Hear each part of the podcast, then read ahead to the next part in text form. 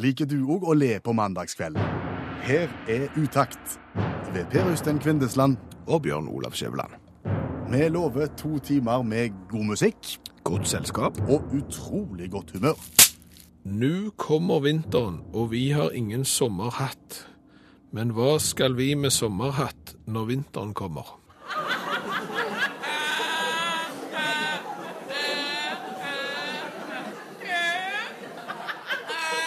Ja, og det kan være viktig å holde på akkurat det der gode humøret, for andre pinsedag det er jo den siste obligatoriske fridagen i Norge på veldig lenge.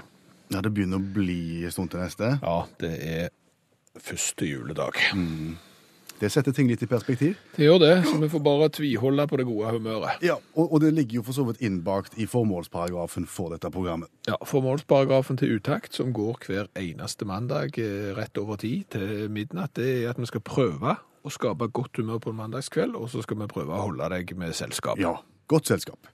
Og hvis du har lyst å si oss noe underveis, så har du flere eh, muligheter, flere kanaler inn til oss. Den ene heter SMS. Ja, det er noe du gjør gjerne med mobiltelefon. Send en SMS til 1987, start meldingen med utakt, og så har vi noe ganske nytt som er kommet. Ja, det kalles for Facebook. Det kalles for Facebook, ja. Søk opp utakt der. Akkurat nå, for eksempel, så er det en konkurranse på Facebook-sida vår, der du skal fylle ut en sånn artige snakkeboble, og så kan du vinne ei T-skjorte med V-hals, så det står utakt på. Så bruk den. Skal vi komme i gang, da? Ja, Jeg det syns jeg. Ja, Du sier godt humør, men kan jeg komme med litt grann kritikk først? Det kan du godt. Ja, jeg har lyst til å komme med litt grann Men kritikk. før du begynner med, med kritikk på Øystein, så Ja. vil jeg bare si at jeg syns at det programmet som du jobber i, det er bare alle tiders fantastisk. Gratulerer med et flott program. Tusen takk skal du ha. Og da går jeg videre til kritikken. Ja, men før du går i gang med kritikken helt, så må jeg bare si en gang til at utakt, altså det- du leverer i utakt, det må jeg bare si, det syns jeg er så bra. Det har du all mulig grunn til å være stolt av. Det er fantastisk bra. Tusen, tusen, tusen takk. Vær så god, ja. Kan jeg nå komme med kritikken av avstemmingsmetoden? Jeg må bare si at det er fantastisk. I. Melodi Grand Prix, Eurovision Song Contest. Jeg irriterer meg grenseløst på alle de som skal da avgi stemme rundt omkring i Europa, som alltid må gjøre det som du gjør nå. Mm. De må si til programlederne i showet at det er et fantastisk show. Jeg er helt enig. De bruker jo et minutt på bare på å si det Kan det. være mulig? Og I tillegg så er det jo sånn at du gjør det via satellitt. Ja. Dermed er det jo forsinkelse. Ja. Så begynner de å snakke i munnen på hverandre, og så Yes. hører de at en snakker i munnen på hverandre, og dermed så skal de stoppe, og så blir den der pausen så de tar for seg Vet du hva, det her er et helt fantastisk show. Dere har kjempemulig, alle mulige grunner til å være stolte av dette her. Mm. Ble jo bare enda lenger. Hvis jeg noen gang får lov til å være Norges representant Det kommer du ikke til å få lov til. Ja, jeg har vært i den lokale juryen, så, så jeg har det på CV-en. Så da Mm. vil jeg gjerne få lov til å starte med å si at nå syns jeg det begynner å bli litt langtekkelig, så her, kom, her kommer karakterene med en gang. Bang. Sånn, Så setter jeg en standard for det. Jeg er helt enig. Jeg, jeg, det er fryktelig irriterende, og så er det òg irriterende når du da skal prøve å være morsom. Ja, I tillegg, ja. Ja, ja. Gjerne med enten kledd deg morsomt, med å synge litt av en eller annen sang, eller noe. Det funker ikke. Kan du ikke bare få gitt de der karakterene og bli ferdige med det? Jo. Så da er vi ferdige med kritikken av Det var jo et fantastisk program du har. eh, si Tusen, det. tusen takk skal du ha. Men vet du hva som er mest like irriterende? Var det mer nå? Ja, altså, og det fant jeg ut i år. Det var jo det at når konkurransen var kommet halvveis, Ja. så visste jeg jo hvem som vant. Nei, da var det jo helt jevnt. Mellom, mellom Sverige og, Ja, det var jo A-poeng det var jo A-poeng da mellom Russland og Sverige midtveis. Men Ja. da visste jeg at Sverige vant. Hvordan kunne du vite det? Fordi at nå har de jo røpt det. Altså Der satt programleder Olav Viksmo Slettan, og så forteller han at det blir stremt i den rekkefølgen som gjør at det er spennende lengst mulig.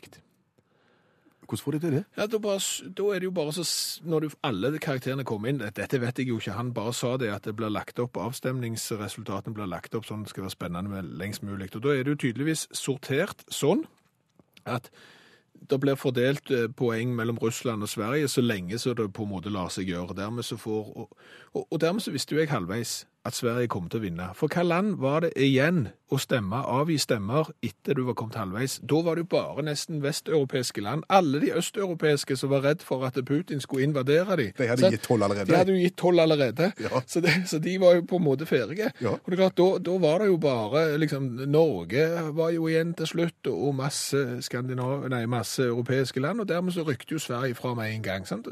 Illusjonen brast jo. Sier du det? Ja, så, så det var jo litt stusslig. Du vil tilbake igjen til sånn som det var før? Ja, det, det, er, det er vel en del ting vi savner med Melodi Grand Prix. Ja, Vi savner jo dirigentene, først og fremst. Det gjør vi. De hadde, nå, altså Hvert land hadde jo med seg egen dirigent. Ja, rusla inn og dirigerte et orkester, og så spilte de live. Det var jo én ting som var kjekt. Det andre som var kjekt, det var jo når du da stemte på telefon istedenfor. Ja.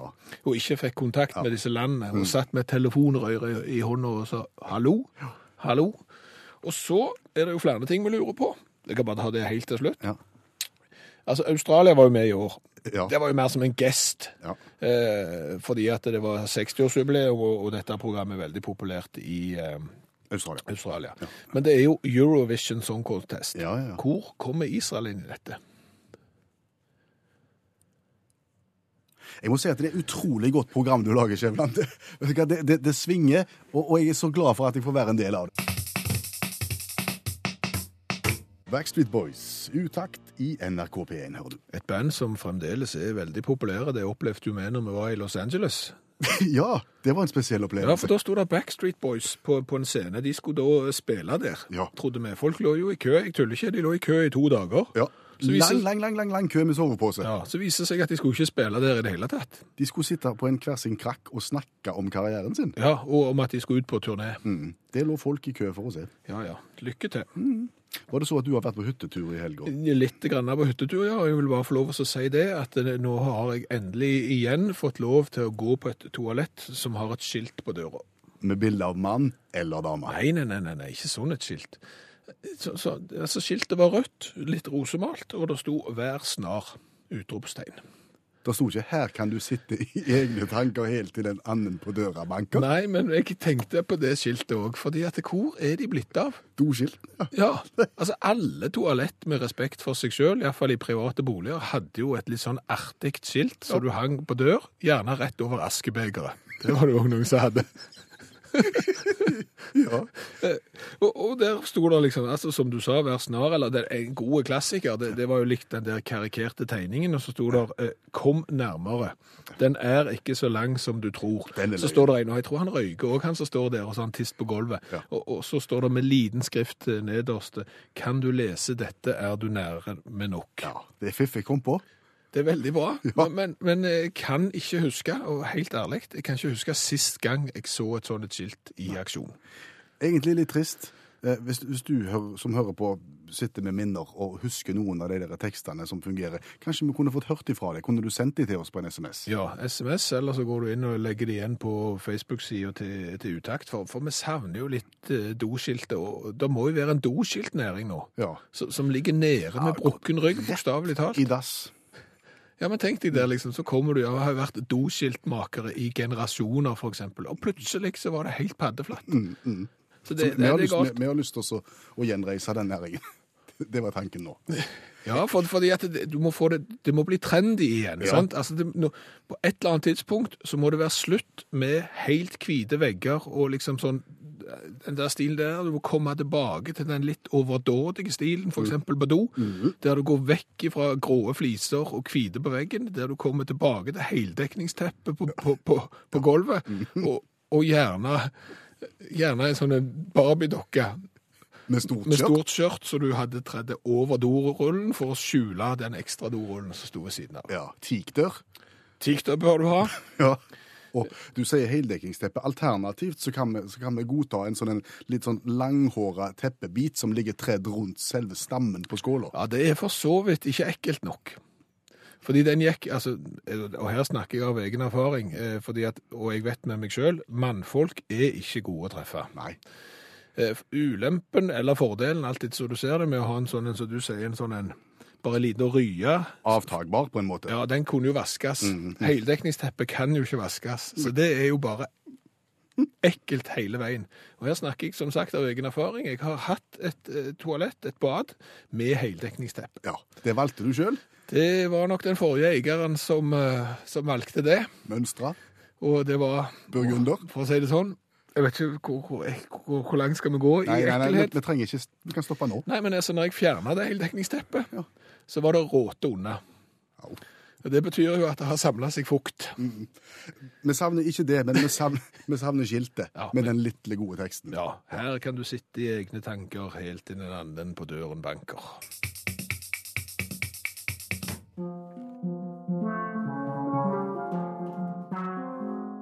Bare spør.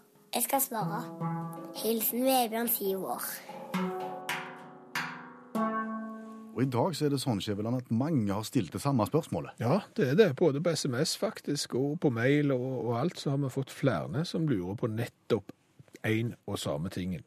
Vi har hatt fri i dag, andre pinsedag, men vet egentlig ikke helt hvorfor vi har hatt fri.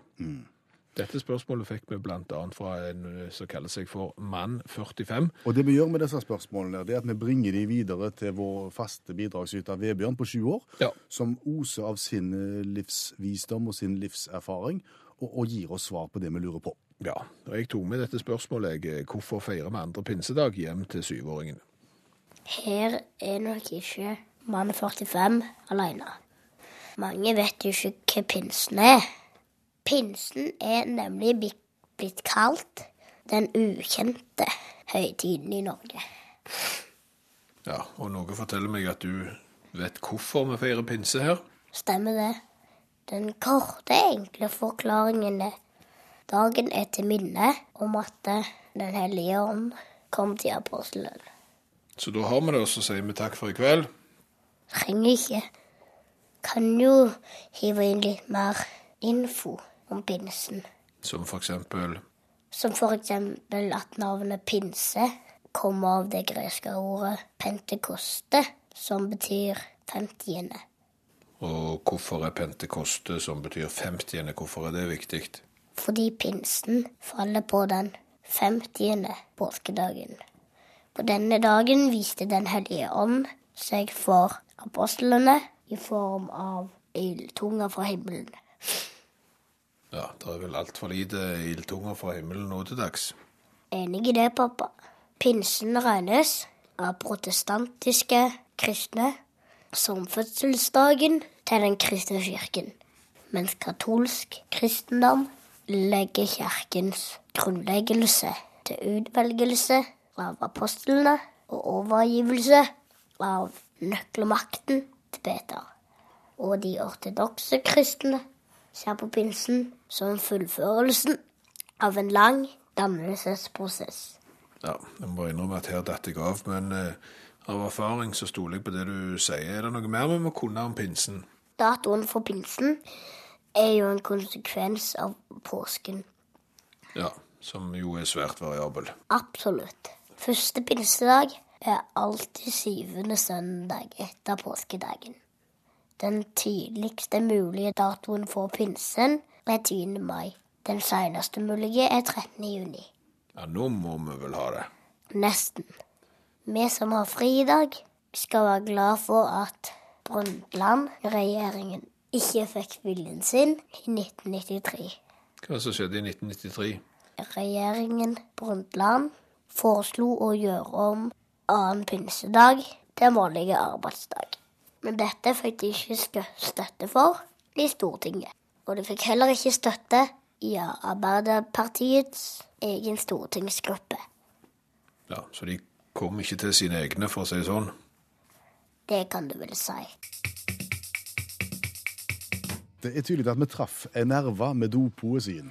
Ja, det er nok eh, fremdeles et og annet eh, toalett som har skilt hengende der inne, som du kan sitte og studere, kose deg med, humre litt av eh, når du gjør ditt fornødne. Eventuelt på utsida av teakdøra, gjerne innramma med et rødt hjerte. Ja, Hauge 2 har jo og nå, nå leser jeg høyt fra Facebook-sida vår, for der har vi limt inn en del av de som er kommet inn på, på mobiltelefon, og sågar så har vi fått et fint bilde av Signe sitt doskilt, som sier følgende Føler bare Følg bare tro naturens trang, så blir, ei, så blir din livsvei lang. Og så står det opptatt under. Det er flott. Uh, bak denne dør man ganske givet får en masse ut av livet.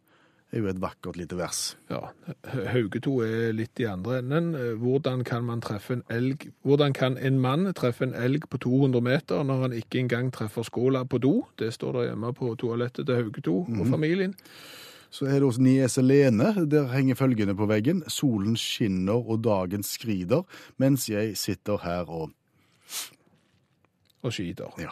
Ja, fint skal det være. Mm. Og så har du følgende her fra Pål. Bak denne dør kan man ganske Det var den leste du, ja. Ja, der ser du. Jeg klarer ikke å følge med. Sitt ikke for lenge. Flere kan trenge. Det er enkelt og greit. Ja, Nå i disse trange tider, bruk papirets begge sider. Mm.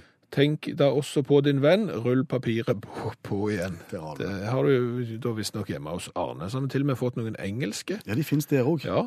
Some people come here to shit and stink. Some people come here to sit and think.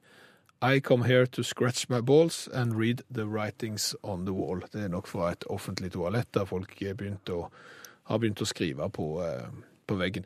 Jeg tror det er det morsomste jeg har sett av sånne skriblerier på toalettet. Du Da sitter det jo gjerne en sånn ti centimeter åpning i bånn rundt hele. Mm. Så sto det helt nederst, rett over åpningen, med liten skrift. Watch out for very, very small limbo dancers.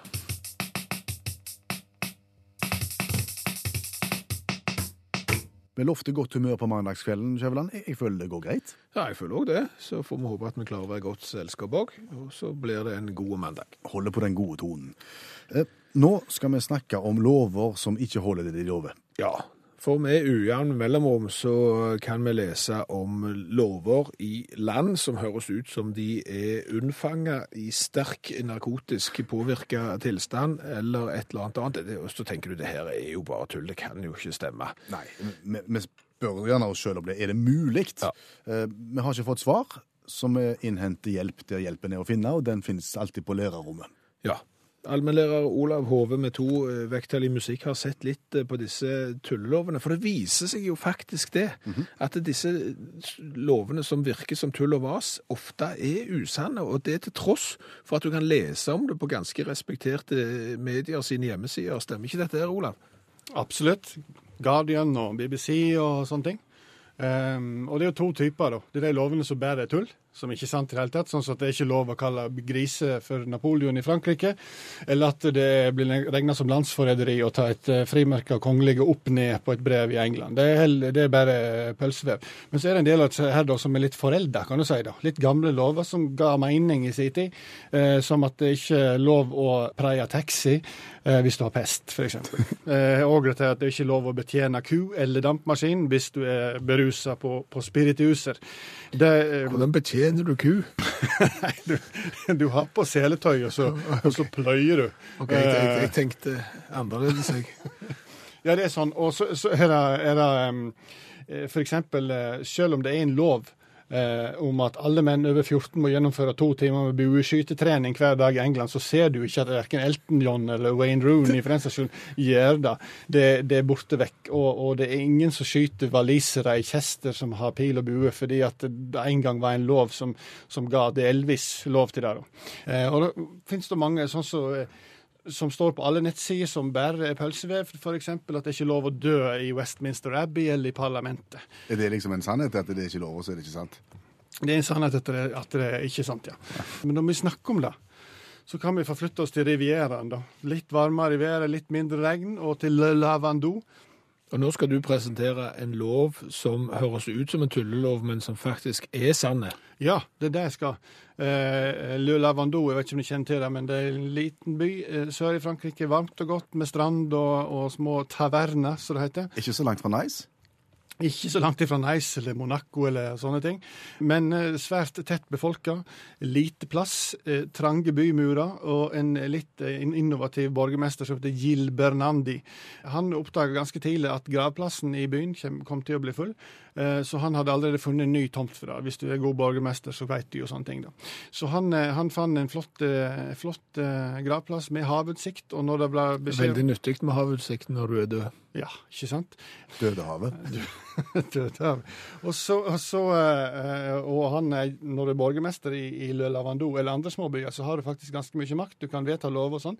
Men eiendomsrett, der må du på en måte gå innom kommunestyret i nærmeste storby, som er da en NIS eh, i dette tilfellet. En formalitet alltid, men i dette tilfellet så sa de NIS nei, vi kan ikke gi de døde havutsikt. Det er ikke greit. Så dermed så ble de nekta å ha gravplass der, og, og det var eneste ledige plassen i den lille byen. Hva gjorde borgermesteren da? Nei, han, han, da var jo gode råd dyre osv., så, videre, så han, han vedtok en lov der det ble forbudt å dø i Løla Lavandou. Det var den enkle måten å gjøre det på. Ja. Eh, og han gikk så langt å si at eh, dødsfall i Lavando vil medføre dødsstraff. Eh, Var, var det mange som brøt loven, eller var, Ja. var de relativt tro mot det? de prøvde jo det beste de kunne, da. Sykehuset i byen gjorde også sitt ytterste for å holde loven, men likevel var det mellom 50 og 80 som døde. Men det som skjedde, var at kommunestyret i Nice de snudde på hælen og sa at eh, hva om døde for havutsikt? Hadde ikke det vært snase Gill? Og Gill var enige, og nå bygde de gravplass med havutsikt. Loven ble oppheva, så nå er det bare fem plasser i verden der det er forbudt å dø. Hvor ligger de plassene? Det ligger Hellas, Brasil, to i Japan, og så én i Tyrkia. hvil i fred? Tusen takk igjen, eh, allmennlærer med to vekttall i musikk, Olav Hove. Jeg ser du sitter med mange notater og brenner inne med mer eh, stoff om samme tema. Du skal få slippe til senere i programmet. Bare, bare vær tålmodig.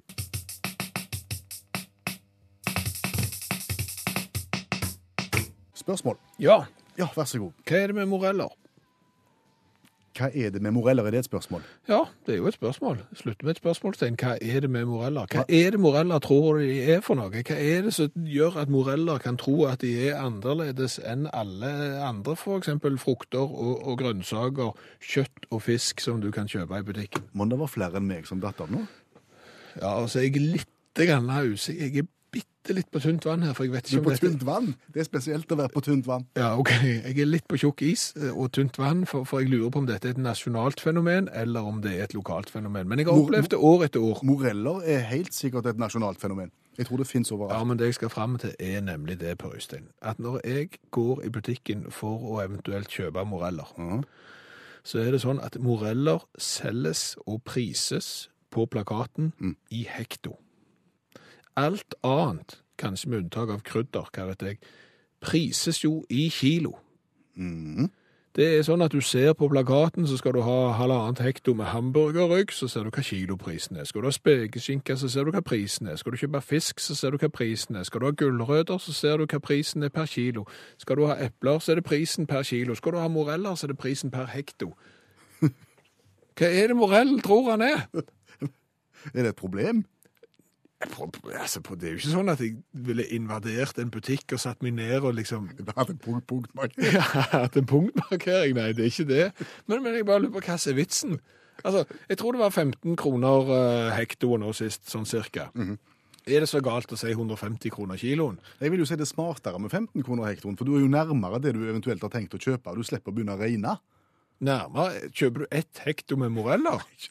Et hekto med moreller, det er jo ingenting. Det er klart du er jo på et kilo med moreller i så fall. Og du er det, ja? Ok. Ja, halvkilo i hvert fall. Og det klarer du. Du klarer jo å ta en kilopris og dele på to. Ja. Så jeg tror at morellen henger oppi treet der, og dette her er jo importmoreller i tillegg. sant? De, de norske er vel ikke kommet, tror jeg. Så henger de der oppi treet, og så tenker de, ja, vet du hva, det er mye tøffere med enn alt det der andre. Så de selger frukten og grønten. Ja vel, hvordan har du tenkt å markere det? Hekto. De er sikkert franske, tenker jeg. Ekto, med, med, med stum H. I, Je voudrais être hekto, s'il vous plaît. Et eller annet sånt. Nei, komme seg ned på bakken må de.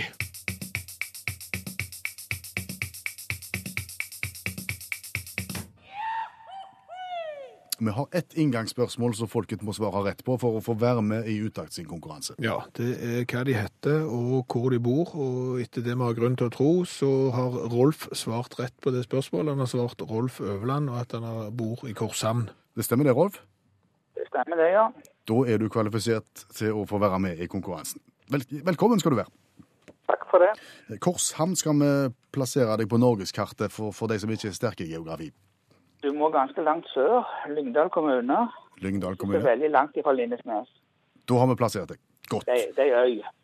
Ei Det øy. er øy. Kjenner du til konkurransekonseptet i Utakt? Ja. Du kjenner til det. Mange kjenner kanskje ikke til det. Skal vi gå raskt gjennom reglementet? Det skal vi gjøre. Kanskje sitter du i bilen og på vei hjem fra pinseferie, og da lurer du gjerne på å, hvordan er nå den konkurransen? Jo, nå skal du høre det. Det er ei sennepsgule spørrebok fra 1975 som er mynta på barn. Der velger bare Rolf et tilfeldig sidetall og et tilfeldig spørsmål. Svarer han rett, så får han gladjodling, og svarer han feil, så får han tristjodling. Men uansett hvor galt eller godt det går, så går det en premie til Korshamn. Her går vi ut som vinner uansett. Er du klar til å gå i gang, Rolf? Ja. Ta og Gi oss et sidetall i boka. Side 50. 50. Da blar Skjæveland Ja. og, og finner fram til kategorien. Om himmel og jord. Se det. Oi. Om himmel og jord, og det er 15 spørsmål i kategorien om himmel og jord. Da tar vi nummer 13. Hvordan blir en regnbue til? Det er rett og slett eh, lysstrålene som går gjennom regndråpene. Eller rett og slett solen sine stråler. Ja. Brytes de, og dermed så blir det forskjellige fargespekter. Kan det sies bedre? Nei, det, det er jo som om du skulle ha skrevet fasiten sjøl her, eh, Rolf. Du burde jo vært lærer i dette. Regnbuelærer skulle du vært, Rolf. Det var jo veldig bra. Har du sett regnbuen i dag eh, på Korshamn? Nei, jeg har ikke det. Selv om det har vært et par bøyer. Et par. Ja. Jeg kom fra Sørlandet i dag, jeg, og det var jo ikke annet enn bøyer. Og pøsregn. I, i, da i indre strøk, du. Ja, indre strøk, ja. ja. Der får vi det gnidd inn, ja. Så sitter han ute på Holmen sin der. Ja, du vet, der får du mye regn. Ikke snakk dere vekk nå. Nei, vi skal ikke det. Vi må finne en ny kategori. Vi må finne et nytt sidetall. 50 har vi vært på. Hvor skal vi hen? Da kan vi ta 40. Hold oss til titallsrekka her. På skolebenken. På skolebenken skal vi nå. Ja, eh, og det er hele 25 spørsmål å velge i den Da kategorien. tar vi nummer 20. Skal vi se. Får vi tulipaner ved å plante løk, eller ved å så frø? Du eh, får de raskest med å så plante løk. Men var det et lite men der? Jeg regner med at du kan sikkert så de som frø òg, for en løk må jo komme fra en plass. Men eh, Ja, jeg Hva vet, ikke du- sikker på det. hva vet du om dette, Skjæveland? Lø, løk eller, eller frø? Altså, jeg er, ha er hagefaglig utrolig svak. Altså, løk er jo noe du har på pølsa, Ja. og, og, og frø Og er det er noe du går i. Nei, men det, Petter Nødt sier at ved å plante løk i hagen om høsten, så er det den raskeste veien til en tulipan. Da er det, da er det bare én oppgave igjen, Rolf. Et nytt sidetall til slutt. Ja, hvis jeg kommer det å gå med 70? Ja, det er nesten Han stopper på 68. Ja, men da tar vi 68 da. Ja, det kan vi gjøre. Det er da kategorien fra landet. 15 spørsmål fra landet. Da tar vi nummer 7. Skal vi se. Hva heter han, hun og ungen i svinefamilien? Altså han, hanngris, hunngris Han og det er en galte. Og skal vi se Hun er sugga. Og ungen Ja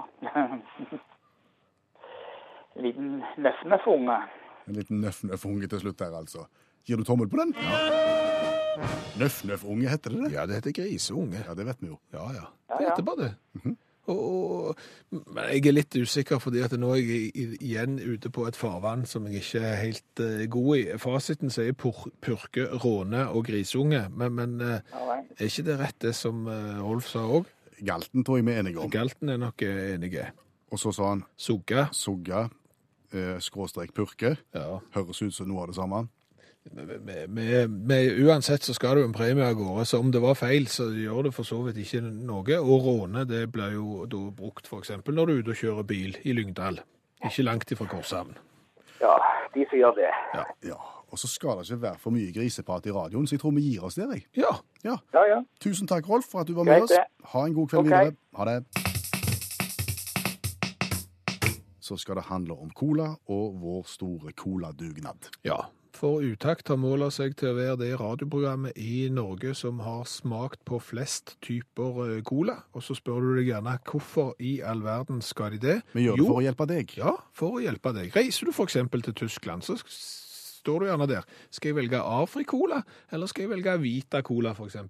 Og så tenker du, var det ikke Afri-cola som var ganske mye bedre enn Vita-cola, hvis jeg husker rett ifra utakt? Jo, det stemmer. Vita-colaen er kjempevonde. Den er helt på bånn. Det finnes vanvittig mange colavarianter ute i den store verden, og vi får tilsendt fra dere som hører på Utakt, og setter veldig pris på det. Vi tar for oss én og én, smaker på de, og gir karakter for smak og for utseende på boks-flaske. Hvor skal vi hen i dag? Vi skal til Filippinene, og vi må rette en takk til, til oljenæringen og til Goliat-prosjektet, som brakte et ektepar til Filippinene for en stakket stund, og som kunne ta med seg hjem Siesto Classic Cola. Siesto Cola. Ja. Eh, veldig vanskelig å finne god informasjon om eh, Sesto-colaen, eh, fordi at eh, på hjemmesida til produsenten så er, handler det utelukkende om juice. Så det er mulig de ikke står inne for sin egen cola. De er ikke stolt av alt. Det, det er et veldig dårlig utgangspunkt. Ja, det er jo et firma som starta med produksjon av juice på 80-tallet, og de, de er svære. Aha. Å ja, ja, det er ikke noe tullefirma eh, som holder til i Manila her, men, men, eh, men colaen var det veldig lite informasjon om. Er, det noen historier knytta til dette konsernet som det går an å berette om? Ja, som gjerne ikke forteller så mye om eh, colaen, men det forteller kanskje en del andre ting. Eh, Dette firmaet er jo kjent for å ha blitt rana så ettertrykkelig. Sier du det? Ja. For cola? Nei, for penger. Vi skal tilbake til 2008. Eh, produsenten av denne colaen og eh, RC-colaen, som du har hørt om, de eh, deler lokaler, og så bankte det på døra, og der er det noen som gir seg ut for å være narkotikaagenter. De er på jakt etter da narkotikapenger og den slags. Og de slipper de inn i fabrikklokalet og alle De har jo de har regnet med det i posen, de. Ja, det, de tenkte ikke noe mer på det, og så blir de robba. Oi, For millioner. oi sant. Så dette er jo faktisk et YouTube-fenomen, dette når eh, ranet av Sesto. Det er mulig at da manglende likviditet har gått ut over colaproduksjonen. Det vil vise seg, for nå skal vi iallfall smake på filippinsk Sesto Cola. En liten burk som jo, ikke overraskende, er rød med hvite bokstaver. Ser ganske lik ut den originale Coca-Cola-boksen. En liten tår til deg, og en liten tår til meg. Vi gir karakterer fra 1 til 10 på smak nå først.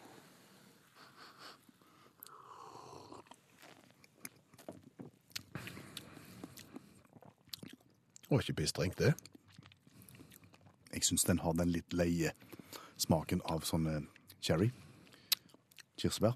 Kjenner du det? Litt tygg i, men veldig mye mindre tygg i enn stort sett alt det andre vi har smakt. Denne går, denne, denne skårer ikke verst hos meg hos han far her, altså. Jeg, eh, Hvor langt strekker du deg? jeg strekker meg til, til så mye som fem. Da går jeg én ned. Fire. Jeg syns det, det er for mye spor av tyggi, selv om jeg er enig i deg at det er mindre tyggi enn det har vært i mange av de andre. Hvorfor må de ha inni den der, den der Jeg vet ikke, det er vel for å være tøffe seg, tenker jeg. Ja, OK, da har vi ni, ni totalt på smak. så er det jo hvor tøft er det egentlig med Sesto Cola. Ja, Da må du beskrive boksen. Ja, altså, det, det er jo rødt som er hovedfargen på hele boksen, og så er det Sesto med litt rar skrift, og Cola med veldig klassisk eh, bokstavering, og de er selvfølgelig hvite. Og her har du lagt deg så tett opp til originalen at jeg synes det er ukult. Ja.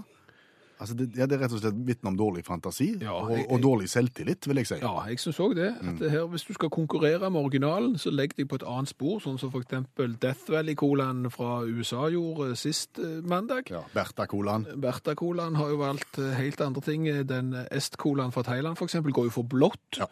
Så, så her, er- nei, dette her er ukult. Det er en dette toer. er lite oppfinnsomt. Jeg er helt enig det. Kommer aldri over to. Nei. Da har 13 poeng. 13 totalt for, uh, for Sesto-colaen fra Filippinene. Hvor havner han da på lista? Nei, da legger han seg ikke spesielt høyt. Han legger seg eh, mellom Vanilla Coke og den engelske KX-colaen. Og fortsatt så leder Fortsatt så er det trippel tet på Tyrkia-colaen fra Tyrkia, Fentimans Cherry Tree Coke fra England og Death Valley Cola fra USA, som deler førsteplassen. Og for noen uker siden i dette programmet, Utakt, så presenterte vi et helt nytt ord.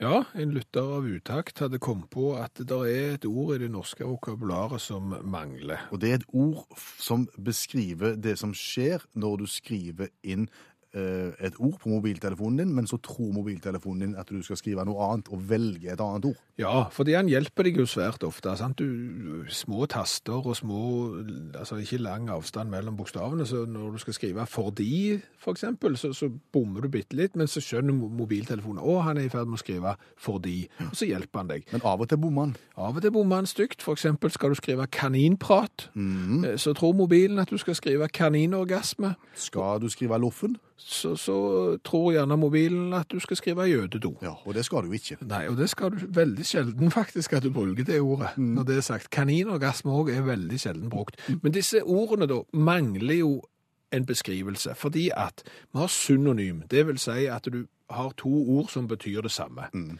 Jødedo og loffen betyr ikke det samme. Nei, ikke kaninprat og kaninorgasme heller. Nei, men det er gjerne at etter kaninorgasmen så er det en del kaninprat og en del kaninrøyking Ja. På sengekanten, men det, det er en annen historie. Så, så de er jo heller ikke synonymer. Nei. Så hva skal du kalle de ordene da som dukker opp i stedet for et annet ord? Jo, vi kaller de for et Mobinom. mobinom. Ja, og det forslaget er nå lagt inn eh, hos Språkrådet, og Språkrådet har eh, respondert og sagt alle tiders dette går vi for, vi må bare passe på at flere og flere begynner å bruke dette ordet mobinom. Nettopp. Kari satt og hørte på, på programmet den kvelden vi snakket om det, og ble inspirert. Hun syntes at mobinom var et fantastisk ord, og så skriver hun til oss nå. Jeg har også funnet opp et ord som jeg har lyst til å introdusere. Nå har det gått sport i det, sa du. Ja, ja, ord som på en måte mangler i det norske vokabularet. Og, og det er jo et ord vi skal fram til nå. Du, du har invitert gjester, sier Kari. Og så har du en del du skal forberede. Ja, du skal stulle, stelle og gjøre en del. Ja. Men, men så skal du egentlig ikke bare forberede, fordi at det, forberede, sier Kari, det, det høres jo så kjedelig ut. Mm, For samtidig så gleder du deg jo veldig til at det kommer folk. Ja, og, og spesielt disse gjestene. Sant? Altså, denne jobben som du forbereder er jo ispedd så masse glede, og dermed så introduserer o, Kari ordet forbe, forbeglede. Forbeglede. Det er en gledelig forberedelse. Så forbeglede, Så ikke den komme. så ikke den komme.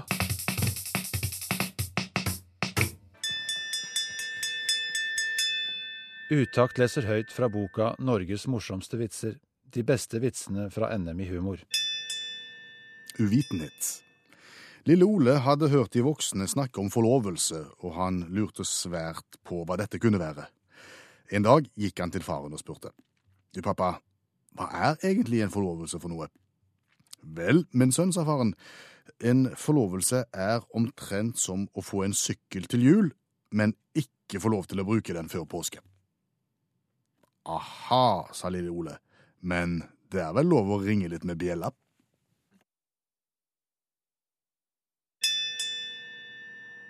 Du har hørt Utakt lese høyt fra boka 'Norges morsomste vitser'.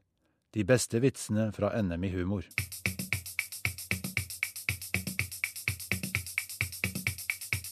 Det begynner å bli seint, og det begynner å bli seint òg for allmennlærer med to vekttall i musikk, Olav Hove.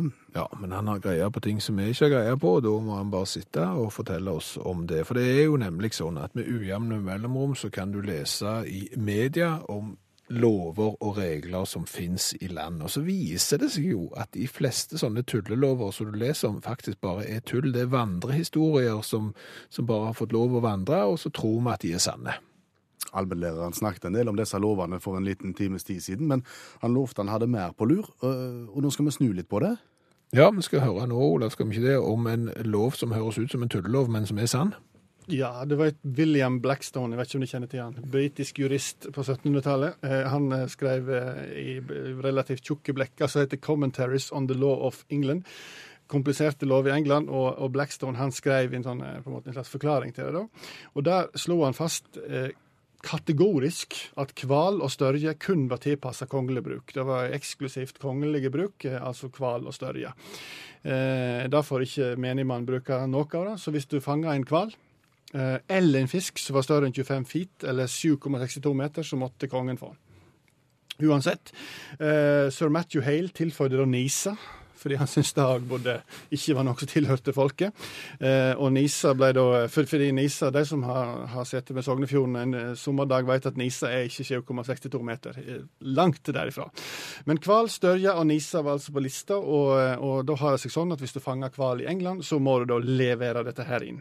Og dette her er en lov som gjelder i England, og, og der kunne historien ha stoppa, men så kommer vi til 2004 og Robert Davies fra Swansea. Og da vil sikkert den, eh, den, den oppmerksomme lytter si at Robert Davies eh, fra Swansea, det er han som er professor på universitetet i Swansea. Det er det ikke. Så vil kanskje noen si at eh, at eh, ja, nei, men Robert David, han som selger kjøkkeninnredning. Nei, det er heller ikke han. Ja, men da må det være hans eget 10,5% av Swansea fotballklubb. Nei, det er heller ikke han. Det er fiskeren Robert Davies. Ekstremt mange som heter Robert Davies i Swansea, kan jeg eh, allerede nå si. Eh, han fiska og fikk i Swansea Bay ei størje som han syntes var festlig, tok henne på land. Tungt og styr, 120 kilo. Eh, og når du får ei størje i England, hva gjør du da? Jo, du reiser til Plymouth. Og så selger de på auksjon der, for det er et auksjonshus der som selger fisk. Så Eh, skal du ikke gi den til kongen, da? Nei, men det er gammel lov, vet du. sant? Så han, eh, men så var det noen som oppdaga at han hadde solgt i Størje, og så ringte til politiet og sagt at Størje er faktisk eh, utrydningstrua. Så, så her har eh, Robert Davies, ikke han i universitetet eller han som eier fotballklubben, men han andre, han har fiska et utrydningstrua eh, fisk. Og dermed kom politiet og banka på døra og sa du er arrestert. Hva sa Robert Davies da? Han tok seg på baklomma og drog fram en faks fra dronningen, for han visste om loven, og hadde allerede sendt en faks til dronningen som ikke kunne bry seg mindre, som sa at herregud, klart du kan ta Størja. Slapp av, bare selg den. Eh, og, dermed så satt politiet der og tenkte helsike, dette var ikke vi klar over, da. Her har rett og slett Elisabeth skrevet under på at dette er greit. Eh, Philip hadde ikke gjort det. Og um, all fisk, altså all, all all størje, eller som er over 7,62 meter, heter altså ikke hval størje, men det heter royal fish. Og i Skottland òg, svært opptatt av det. Jeg har her i min hånd et dekret fra den skotske regjeringen som sier hva skal du gjøre hvis du finner en stranda hval. Og det er på tolv sider, og det er sikkert 400 telefonnummer du må ringe. Jo, det er ikke nok å bare ringe viltnemnda, skal jeg love dere. Så Royal Fish, altså. Er du i England, finner en stranda hval, så kan de kontakte meg, så har jeg en PDF hvor du skal håndtere saken. Fins det Royal Fish and Chips?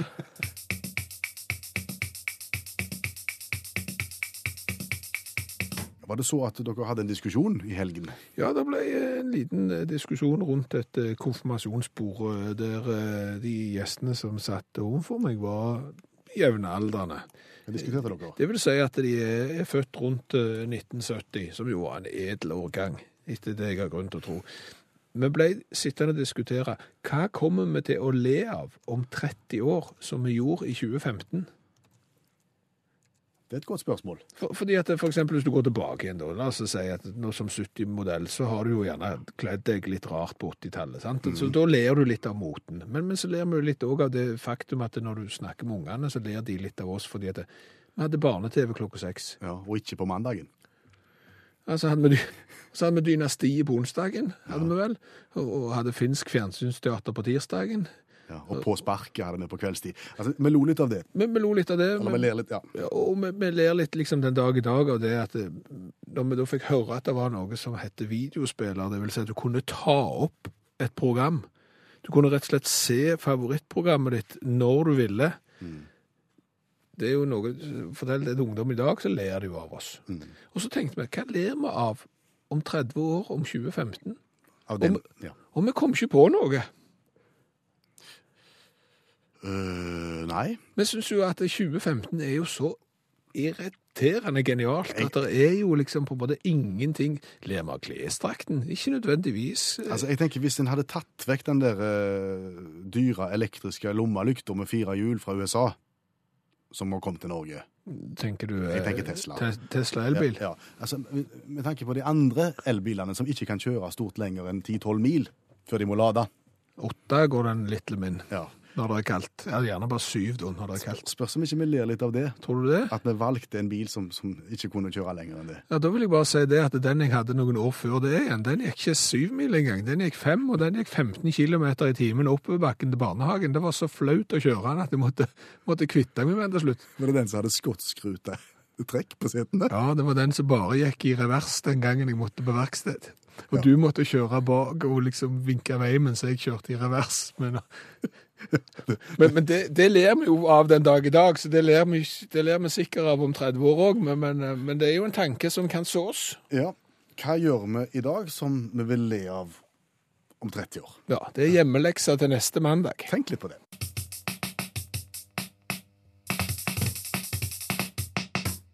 Hør flere podkaster på nrk.no podkast. NRK P1